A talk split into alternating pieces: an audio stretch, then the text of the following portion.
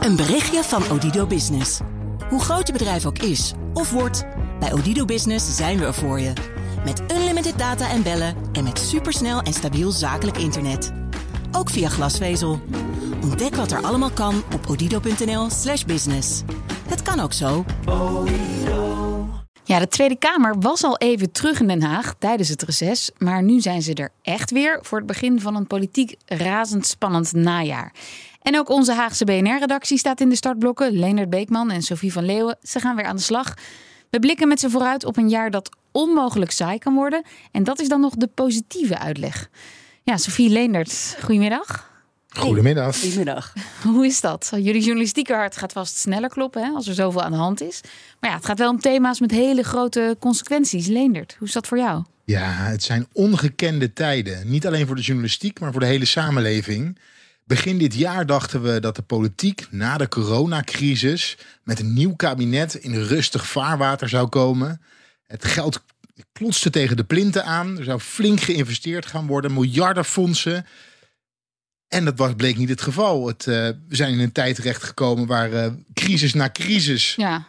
uh, boven water komt. Maar is dat ook interessant voor jou als, ja. als, journalist? Heb je er zin in? Ja, ik heb er wel zin in, ja. ja. Maar dat is natuurlijk een beetje gek, want de, de onderwerpen die we bespreken, de, de, crisis waar Nederland ja, aan moet werken, dat zijn natuurlijk geen leuke onderwerpen. Nee, Sophie? Het voelt een beetje als over de rug van hè, al die mensen die hun energierekening niet meer kunnen betalen. Dan hè, als journalist Mhm. juichen, het wordt een spannend jaar. Ja, en we ik hoeven niet te juichen natuurlijk, nee. Nee, en ik heb zelf al twee coronajaren meegemaakt. Dat was heel erg heftig. Maar ik moet zeggen dat het nu eigenlijk nog onheimischer voelt. Want wat, wat staat ons nu te wachten deze winter? Hè, met uh, vandaag 30% hogere gasprijs. Uh, de gaskraan is dicht. Uh, moeten we de truien aan? Mhm. En wat betekent dat voor bedrijfsleven? Dat is ja, zo ja, spannend. Ongewis, ja. En ongekend ook, denk ik, wat we nu zien. Uh, mogelijk een recessie. Kan bijna niet anders dat die eraan komt. Dus ik hou mijn hart ook wel een beetje vast. Als mens, als journalist. Uh, mijn energierekening is nog laag, want ik woon in een klein appartement. Dus dat valt nog mee. En ik sprak ook van de ministers daarover van de week. Bijvoorbeeld Mickey Adriaansens van Economische Zaken. Ja, die zegt ook eigenlijk: jongens, doe je trui maar aan deze winter. Wordt een hete herfst. Ja, koude eigenlijk, want de kachel moet uit. de kachel moet uit, ja, dat klopt. Het bedrijfsleven deze zware tijden, want ja, die rekening is onbetaalbaar geworden. Ja, ik zou tegen alle ondernemers en alle bedrijven in Nederland willen zeggen: weet dat, we met dat wij, dat ik en ook het kabinet zich heel erg inspant om te zorgen dat de voorwaarden nu gewoon zo goed mogelijk blijven om goed te kunnen ondernemen en je bedrijf te kunnen runnen. We zien de problemen, we hebben daar echt wel heel veel oog voor. Um, en we denken toch dat de stappen die we, hebben, die we nu zetten richting bijvoorbeeld verduurzamen, uh, hoe je omgaat nu met wat op je afkomt qua hoge prijzen, um, dat we daar stappen mee zetten om hier doorheen te komen. En dat we altijd openstaan voor de problemen die zeg maar, op dit moment zo hoog zijn dat ze er graag nader over willen praten. Dat klinkt heel mooi van mevrouw Adriaansens, mm -hmm. economische zaken. Maar ja, je zou maar zo'n energierekening hebben als bedrijf. Of je hebt een, ja. een contract, je hebt een recessie, je hebt misschien nog een coronarekening die je moet terugbetalen.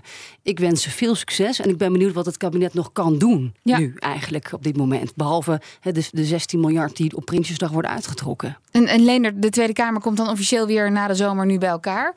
Uh, waar gaan ze als eerste op los? Morgen is er al een vragenuurtje, toch? Ja, morgen is er een vragenuurtje en ook een, uh, een regeling van werkzaamheden waarin debatten aangevraagd kunnen worden. En ik denk dat de oppositie ja, over koopkracht wil praten, over inflatie, over de hoge energierekening. Dat gaat allemaal niet gebeuren, verwacht ik. Want daarbij zal de coalitie zeggen: we moeten Prinsjesdag ja, afwachten. Ja, waar wel over gesproken ja. kan worden, is over het asielakkoord. En ik denk ook wel dat er een debat over gaat komen deze week of volgende week. En dan kan de oppositie lekker prikken bij de coalitiepartijen. Want die zijn het met elkaar helemaal niet eens over dat akkoord dat gesloten is. En dan hebben we nog een ander dossier, stikstof. Ja. Nou, we hebben net al gehoord dat dat ook nog eventjes wachten gaat zijn. Wacht op Remkes. Op perspectiefbrief. Maar eerst moeten we Remkes... Ja, waar die mee komt, dat weten we nog steeds niet. Nou, eerst met een rapport, toch? Met een verslag of met Ja. een rapport. Ja, wat het precies gaat zijn is nog totaal onduidelijk. Maar dat weten we eigenlijk wel, dat dat pas na Prinsjesdag... dat dat er zal zijn. Dus het wordt gewoon saai de komende weken, Leendert. Want we moeten wachten op Prinsjesdag en op Remkes. Nou ja, we zullen zien. Beetje makkelijk, Morgen. makkelijk inkomen voor jullie dan? Nou, ik verwacht toch echt wel dat het over eh, de asielcrisis, dat daar wel over gesproken gaat worden. En als daar een debat over komt, dat het geen saai debat gaat worden. Want ja, hier staan de politieke partijen echt lijnrecht Ja. tegenover elkaar. En dat zijn wel natuurlijk, eh, dit gaat over ideologie. Hoe ga je met elkaar om? Eh, En hoe kijk je tegen al deze problemen aan? Ja. Maar, maar, Precies. Maar Leonard, als jij zegt, ja, ze, we moeten wachten op Prinsjesdag... en daarna nog op, het, eh, op, op, op een reactie van Remkes... maar dan denk je, ja, waar wachten we op? Want er is zoveel aan de hand. We moeten toch iedere uur, ieder uur dat we kunnen oplossen gebruiken? Ja, het is wachten op Prinsjesdag omdat we officieel weten hoe die begroting is opgebouwd en hoe dat pakket eruit gaat zien. Om iets aan de koopkracht te doen.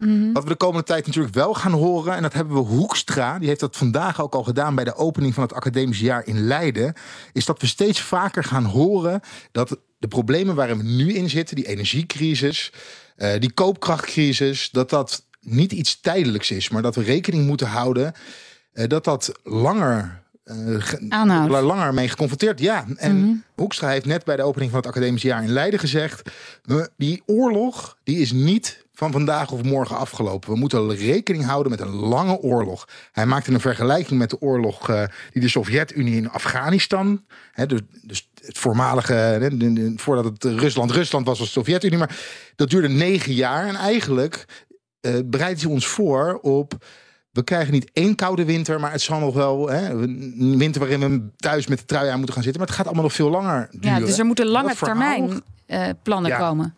Ja, En daar- dat verhaal gaan we vanuit het kabinet veel vaker horen de aankomende weken. Maar daar zijn ze wel een beetje laat mee, hè, Leendert. Want vandaag ook in dat rapport, hè, WRR, van de Wetenschappelijke Raad voor het Regeringsbeleid. Het kabinet heeft ons niet voorbereid. We hadden al lang eh, klaar kunnen zijn voor de crisis waar we nu in zitten. Hè, eh, energie, asiel. is eigenlijk veel te weinig gedaan door de politiek om eh, vooruit te kijken. En, en nu zitten we met de gebakken peren. Maar wat hebben ze dan gedaan?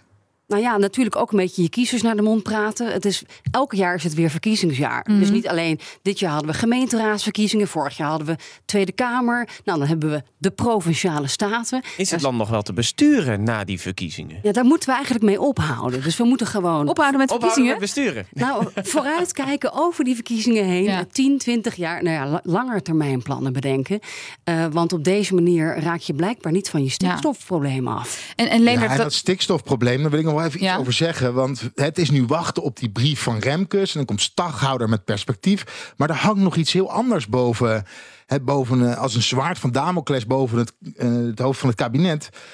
Eh, in oktober komt er nog een uitspraak van de Raad van State. En het gaat over de bouwvrijstelling. En wat ze gedaan hebben, want de bouw zat helemaal vast. Na de vorige uitspraak van de Raad van State in 2019, de pasuitspraak. En wat ze gedaan hebben, is ze hebben gezegd: we houden even geen rekening met de stikstofuitstoot zolang we aan het bouwen zijn. We kijken alleen in hoeverre er stikstofuitstoot is als hetgene wat we bouwen daar staat. Dus denk aan een windmolen of een gebouw. Nou, dat. Daar zeggen juristen van dat gaat geen stand houden. En dan in april of in oktober, als die uitspraak geweest en het houdt geen stand, dan moet er een plan B bedacht worden. Maar die is er niet. Het is toch een beetje hopen op dat het goed komt. En als het dan niet goed komt, ja, dan in de crisisstand. ja, En dan steeds weer teruggefloten worden door de rechter. Dat is wat er gebeurt in Den Haag. maar als ik jullie zo hoor, hè, al deze crisis, daar kun je een ketting van rijgen. Eh, gaat, het, gaat het kabinet dit overleven? Dat wordt vast jullie ook gevraagd op Dat eh, is eh, de vraag die we elke dag, feestjes. Ja. dag in dag uit op elk feestje krijgen. Wanneer valt het kabinet? Mijn voorspelling is dat ze het gaan uitzitten met elkaar.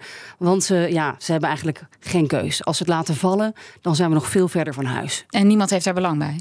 Nee, geen, want dan- geen enkele partij. Totale versnippering van het politieke landschap. Geen meerderheden meer te vinden. Of je moet dan over GroenLinks, PvdA, dat wil natuurlijk ook bepaalde partijen, willen dat niet. Nee.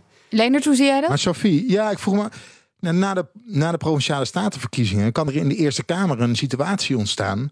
waarbij besturen eigenlijk onmogelijk wordt. Omdat de, Tweede, de Eerste Kamer alles kan tegenhouden. wat er vanuit de Tweede Kamer komt. wat ze niet welgevallig is. Dat kan als er geen meerderheid is. Ja, met over links dus. Dan, als je dan zelfs daar nog geen meerderheid in de Senaat hebt, dan komen ze echt in de problemen. Maar zitten we niet in een fase, misschien is dit wel het begin van een, eh, een politieke periode van een decennium, dat er zoveel partijen zijn dat uiteindelijk de grootste partij gaat gewoon regeren en op elk eh, kabinetstuk moet er een, ja, een meerderheid gevonden Dan kunnen worden. wij zelfs een partij beginnen, Kees. Nou, Ja, eh, het, ja, het, het, gaat, het gaat wel lekker hier op BNR, maar anders. Hè? Nieuwe bestuurscultuur, eindelijk. Eindelijk de nieuwe bestuurscultuur, omdat het gewoon gewoon zo'n versnipperd En een beetje is. Italiaanse toestanden. Ja. Nou, jullie gaan ons dagelijks eh, op de hoogte houden dit spannende politieke jaar. Dank jullie wel, Sofie van Leeuwen en Leonard Beekman. Een berichtje van Odido Business. Hoe groot je bedrijf ook is of wordt, bij Odido Business zijn we er voor je. Met unlimited data en bellen en met supersnel en stabiel zakelijk internet. Ook via glasvezel. Ontdek wat er allemaal kan op odido.nl/slash business. Het kan ook zo.